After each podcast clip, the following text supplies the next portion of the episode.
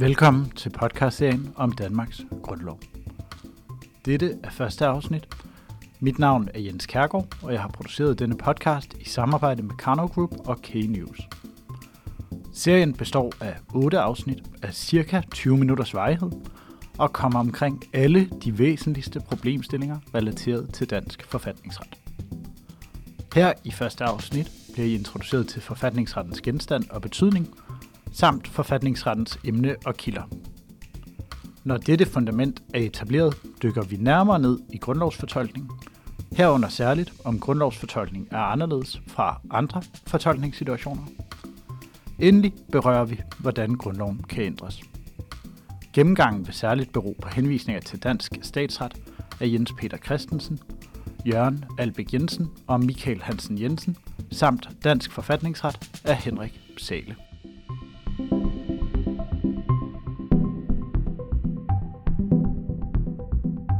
Når man beskæftiger sig med forfatningsret, bliver man nødt til at overveje forholdet mellem forfatningsret og politologi. Hvordan hænger de to fag sammen, og hvordan adskiller de sig? Grænsen mellem forfatningsret og politologi kan siges at være flydende. Forfatningsretten beskæftiger sig med retlige fænomener. Uden for forfatningsrettens felt falder derfor alle aspekter, der er rent politiske eller økonomiske. Disse hører i stedet politologien til. Forfatningsretten regulerer rammerne, det processuelle, som politologien skal underlægge sig. Herunder regler for myndigheder. Det vil sige, at der med grundloven etableres en ramme, som de politiske statsorganer skal underlægge sig. Denne ramme skal de politiske statsorganer underlægge sig, selvom der endda er et stort politisk flertal for noget andet. Så længe regeringen og Folketinget holder sig inden for grundlovens ramme, har de imidlertid en meget betydelig handlefrihed, og kan altså vedtage det, som vurderes at være politisk ønskeligt. Sammenfattende kan grundloven derfor siges at være skæringspunktet mellem jura og politik. Det viser meget godt, at forfatningsretten har en særlig betydning. En hver, der beskæftiger sig med forfatningsret, indser hurtigt, at beslutningerne, der træffes inden for forfatningsretten, er særligt vigtige for samfundet. Men hvordan er det, at forfatningsretten får betydning for samfundet? Det gør forfatningsretten først og fremmest i kraft af de genstande, som den regulerer. For det første regulerer forfatningsretten de myndigheder, der anses som de politisk mest centrale, og som sætter rammerne for andre udøvende myndigheders handling. På den måde får forfatningsretten betydning for tilblivelsen af alle regler, da forfatningsretten jo netop regulerer selve tilblivelsen af reglerne. For det andet regulerer forfatningsretten netop den demokratiske kontrol med de offentlige myndigheder. På den måde får forfatningsretten betydning for kontrollen af magthaverne. Hvor effektiv den kan være, hvornår den kan ske og hvem der kan udøve den. For det tredje regulerer forfatningsretten individernes grundlæggende rettigheder over for offentlige myndigheder. Hvornår slår menneskerettighederne igennem, således at der trækkes en grænse for myndighedernes kompetence over for borgeren. Hæver vi så blikket og retter det mod statsforfatningsretten, emne og kilder, så rejser det naturlige spørgsmål sammen. Hvad er det, der er kilderne? Hvor skal man kigge for at finde reglerne? Statsforfatningsretten kan inddeles i de formelle regler og de materielle regler. I formel forstand så er det reglerne, der fremgår af grundloven, og derfor kun kan ændres efter grundlovens paragraf 88. I materiel forstand så er det regler, der indholdsmæssigt vedrører de øverste statsorganer. Af den grund afgrænses reglerne i materiel forstand bredere og inkluderer eksempelvis også ministeransvarlighedsloven og Folketingets forretningsorden. Derudover så supplerer uskreven ret de formelle regler. Der er meget lidt domspraksis omkring forfatningsretlige spørgsmål.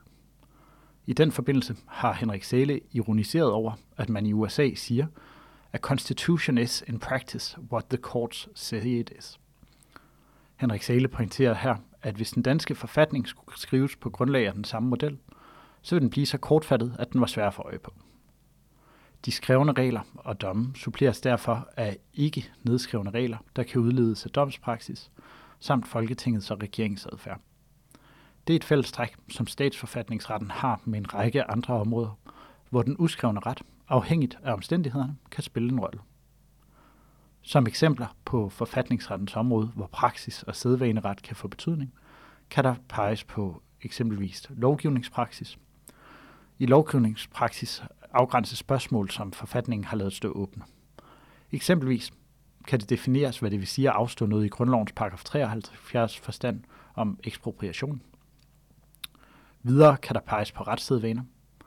Folketingets og regeringens adfærd kan få betydning, når kriterierne for, at der etableres en retssædvane er mødt. Der gælder i denne forstand et objektivt og et subjektivt kriterium.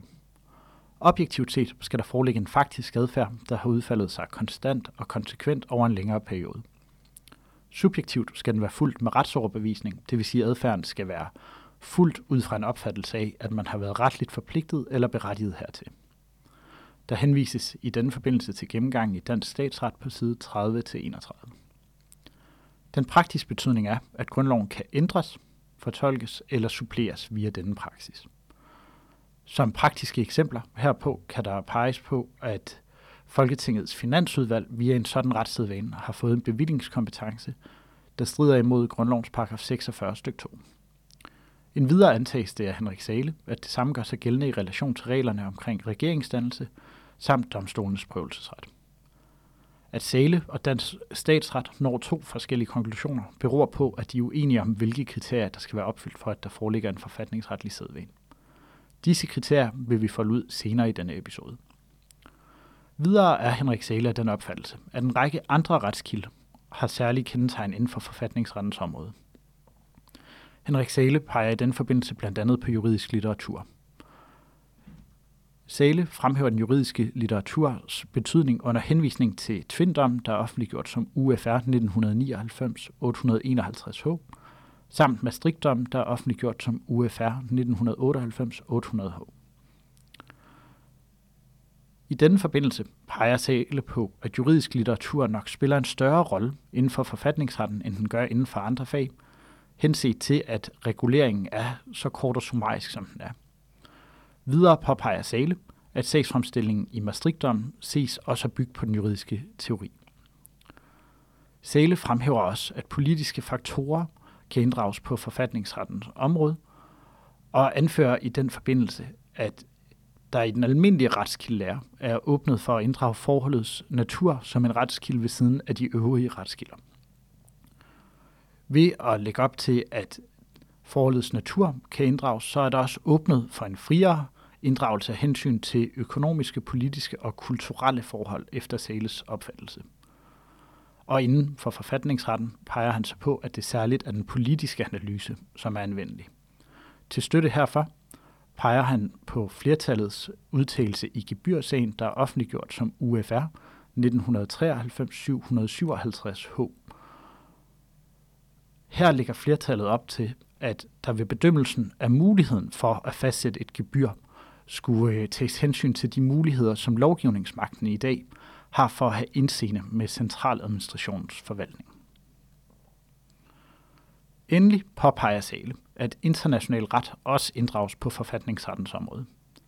Således anfører Sale på side 51, at menneskerettigheder efter dansk ret ikke kan fastlægges uden hensyn til internationale traktater. Magtfordelingsprincippet, som udtrykt i blandt andet grundlovens paragraf 3, må forstås i lyset af den forståelse, vi finder i andre lande. Sale mener af den grund, at grundlovsfortolkning har en særlig karakter, i det alle disse retskilder skal fortolkes under et i den totale fortolkning. Den totale fortolkning beskriver Sale på side 52-53 som en fortolkning, hvor hele det relevante materiale anskues under et, og hvor der ud fra dette dannes en konkluderende opfattelse af det retlige spørgsmål. Denne totalbetragtning forudsætter en opfattelse af, hvordan forholdet er mellem forskellige typer af materiale. For det kan nemlig være, at nogle materialer peger i en retning, og noget andet i en anden retning.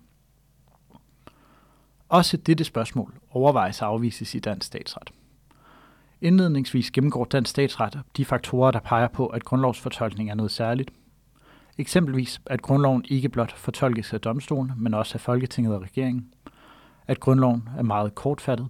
Det er således humoristisk anført, at grundloven er kortere end en normal dobbeltkronik i et dagblad. At grundloven må fortolkes i lyset af statskundskaben. At grundloven generelt set sjældent er øh, genstand for fortolkning i retspraksis, at grundloven er genstand for utrolig meget juridisk litteratur, der derfor måske spiller en større rolle her end på andre områder, at grundloven indeholder bestemmelser, der måske fortjener en særlig fortrinsstilling.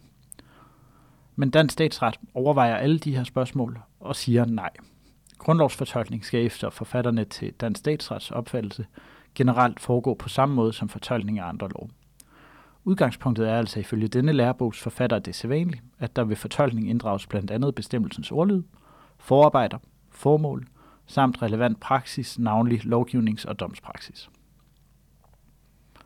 Herefter går dansk statsret videre til at overveje, i hvilken grad grundlovsfortolkning skal tage højde for traktater, særligt øh, EMRK og den europæiske menneskerettighedsdomstols praksis. Her peges der indledningsvis på grundlovens paragraf 19 og 20, der fastsætter udgangspunktet for vurderingen af grundloven i forhold til omverdenen. Det følger heraf, hvordan Danmark kan indgå traktater med andre lande, samt hvad rammerne er herfor. EMRK har en særlig plads, når det kommer til traktater, da den regulerer en række emner, særligt frihedsrettigheder, der også er regler om i grundloven. Spørgsmålet er derfor, om grundlovsfortolkning skal ske i lyset af EMRK. Med andre ord, kan IMD få betydning for fortolkning af grundloven? Umiddelbart nej. Dermed vil grundloven blive ændret uden at følge proceduren i grundlovens paragraf 88. Derudover vil MRK få grundlovsrang, og den grundlovsgivende magt vil i et vist omfang blive overladt til MD. Hvad så med EU-retten? Kan den indfortolkes i grundloven? Også nej. Kompetencerne til EU er overladt i medfør af grundlovens paragraf 20, og denne bestemmelse giver kun adgang til overlevede beføjelser i nærmere bestemt omfang. Om dette fastslog højesteret i Maastricht-dommen, offentliggjort som U 1998-800H, at grundlovens paragraf 20 ikke giver mulighed for overlevede beføjelser til EU, der giver EU adgang til at udstede retsakter, der indholdsmæssigt vil være i strid med grundloven. Men er regeringen og Folketinget så ikke bundet af IMRK og EU-retten, kan man spørge sig selv. Svaret her er selvfølgelig, at både regeringen og Folketinget er bundet af IMRK og EU-retten. Det følger blot ikke af grundloven. Lovgivningsmagten kan selvfølgelig i grundlovsmæssig forstand godt lovgive i strid med traktatforpligtelserne og endda opsige traktaterne. Der er blot nogle politiske konsekvenser heri. I en naturlig forlængelse af spørgsmålet omkring fortolkning af grundloven i lyset af traktater, falder spørgsmålet omkring, hvorvidt grundloven skal fortolkes i lyset af present day conditions. Skal grundlovsfortolkning på samme måde som IMD tage højde for en ændret forfatningsvirkelighed eller present day conditions? Til at illustrere problemet kan der peges på den nylige amerikanske debat om sagen Roe vs. Wade, hvor den amerikanske højesteret tilbage i 1973 fandt, at en kvinde havde en forfatningsmæssigt beskyttet ret til at få foretaget en abort. Til støtte herfor kan man blandt andet pege på, at grundloven bør være tidsvarende, at grundloven bør skabe rettigheder, der er praktiske og effektive, at grundloven ikke fortolkningsmæssigt bør bindes op på en gammel fortolkning, hvis omstændighederne har ændret sig. Om det har den afdøde professor Alfros en kende morbid sagt, at man kan ikke lade sig regere af de døde. Tilsvarende har Henrik Sæle udtalt, at der må tages højde for en ændret forfatningsvirkelighed, i det fortolkningen bliver nødt til at tilpasse sig den virkelighed, som forfatningsbestemmelserne fungerer i. I den forbindelse anført Sæle billedligt, at forfatningsspørgsmål kan ikke løses alene ved en grundlovslæsning. Ligesom den, der kommer til en fremmed stat, er dårligt orienteret om denne stats forfatningsforhold, hvis disse kun bedømmes på grundlag af den formelle forfatningsindhold, er den, der vil løse et forfatningsspørgsmål, dårligt rystet, hvis kun forfatningsteksten efterses. Modsat kan det her synspunkt kritiseres for at gøre dommere til politicians in robes, altså for at gøre dommere til politikere, der blot er iført fjollede kapper. Udgangspunktet i dansk forfatningsret er, at der er en klar skillelinje mellem dommere og politikere, og dermed også mellem domstolene og lovgivningsmagten. Vores dommere er ikke bare politikere med fjollede kapper på. Det gælder særligt, fordi det er så svært at ændre grundloven. Der er således i paragraf 88 en bestemmelse, der fastslår, at det er meget svært at ændre grundloven. Først skal forslaget vedtages som en normal lov, hvorefter forslaget skal vedtages i overensstemmelse med den særlige ændringsprocedure i paragraf 88, der medfører, at befolkningen bliver inddraget tre gange, både ved to forskellige folketingsvalg og en enkelt folkeafstemning, hvor forslaget skal have tilslutning fra et flertal af dem, der afgiver deres stemmer, og som er højere end 40 procent af de stemmeberettigede. Så fremt højesteret indfortolker en ændret forfatningsvirkelighed i grundloven og på den baggrund underkender en lov, vil loven således aldrig blive til virkelighed, da det formentlig ikke vil være muligt at ændre grundloven.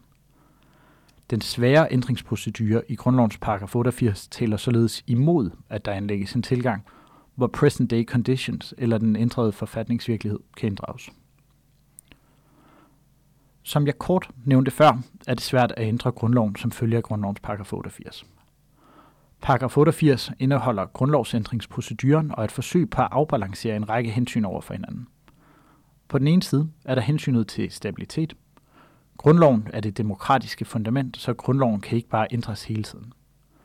Derudover er der et hensyn til forudsigelighed. Alle lov skal være i overensstemmelse med grundloven, så derfor kan grundloven ikke ændres hele tiden. Dernæst er der et hensyn til konsensus. Eftersom grundloven er den øverste retskilde, er det vigtigt, at der er konsensus om ændringerne, så ingen får trukket noget ned over hovedet. Altså bør grundloven kun ændres, når alle samfundsgrupper arbejder sammen om det. På den anden side er der hensyn at tage til øh, behovet for at have en nogenlunde tidsvarende grundlov. Der skal være en rettighedsbeskyttelse, kontrolmekanismer og processer, der passer til det samfund, vi lever i, hvorfor det er nødvendigt, at grundloven kan ændres fra tid til anden. De modstridende behov fordrer, at alle samfundsgrupper skal arbejde sammen for at ændre grundloven, for at sikre, at der er bred konsensus i befolkningen om ændringen. Det kommer til udtryk i paragraf 88. Paragraf 88 har ordlyden. Vedtager Folketinget et forslag til en ny grundlovsbestemmelse, og regeringen vil fremme sagen udskrives nyvalg til Folketinget. Vedtages forslaget i uændret skikkelse, at det efter valget følgende Folketing bliver det inden et halvt år efter den endelige vedtagelse at forelægge folketingsvælgerne til godkendelse eller forkastelse ved direkte afstemning. De nærmere regler for denne afstemning fastsættes ved lov. Har et flertal af de i afstemningen deltagende og mindst 40 procent af samtlige stemmeberettigede afgivet deres stemme for Folketingets beslutning og stedfæstes denne af kongen af den grundlov. For at følge med i takt med, at vi folder bestemmelsen ordlyd øh, ud, kan I gå til Dansk Statsret, kapitel 24, side 453-461. Bestemmelsen betyder nærmere, at forslaget først skal vedtages som en normal lov.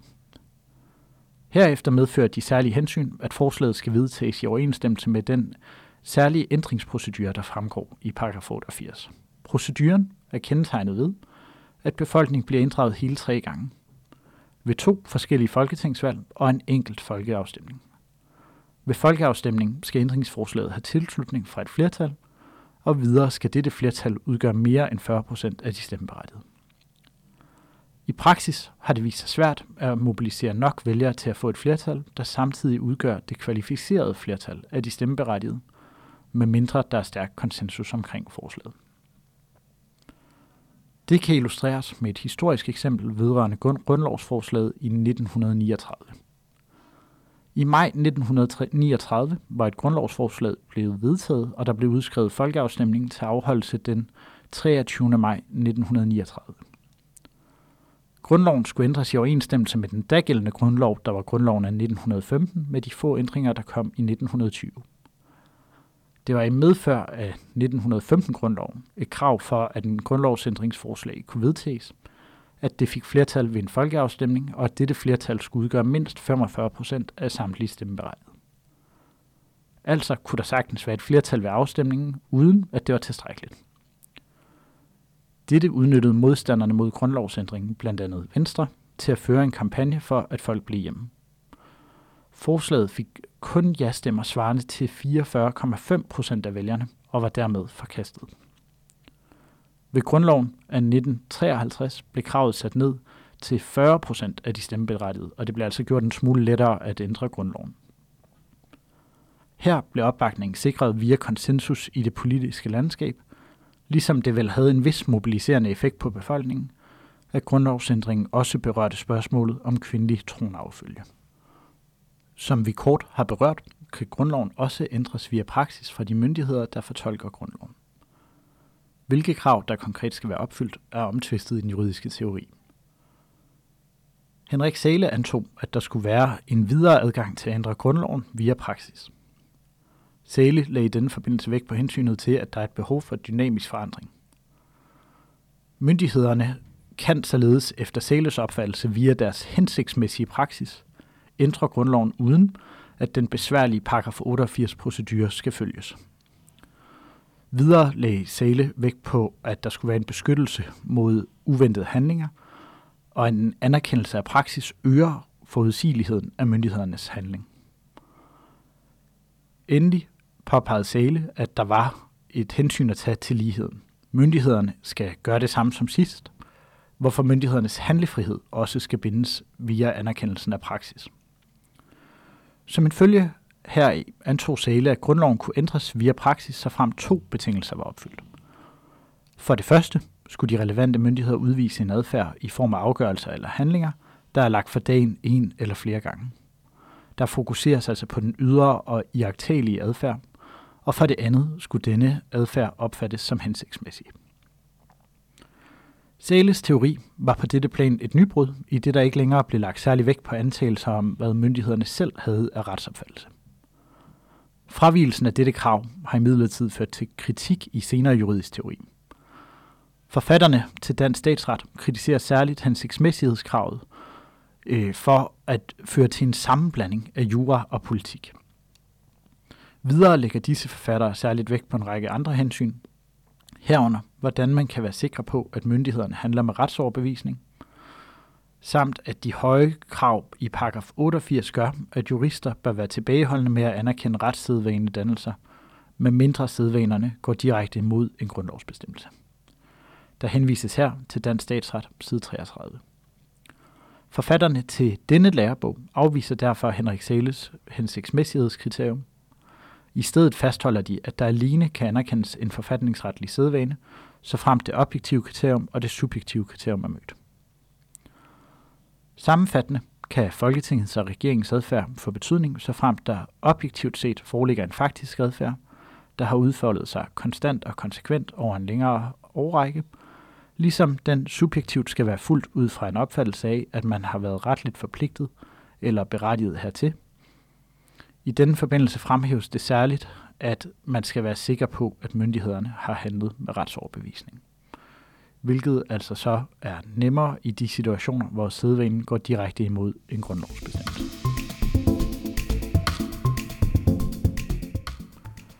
Med det er vi færdige med første afsnit i podcastserien om Danmarks Grundlov.